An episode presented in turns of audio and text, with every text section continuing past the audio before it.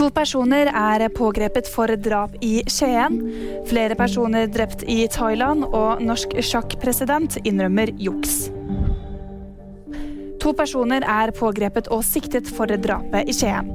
En kvinne i 50-årene ble funnet drept i hjemmet sitt tirsdag ettermiddag.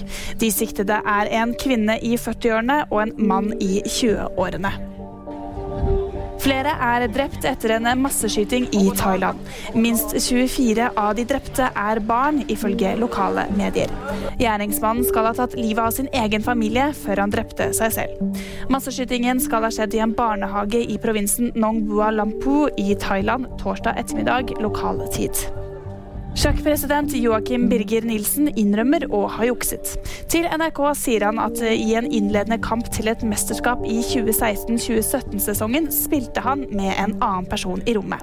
Turneringen ble spilt på nett, og dette regnes da som juks.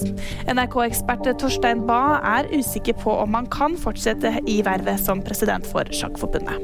VG-nyheter fikk du av meg, Jyri Friis Eddan.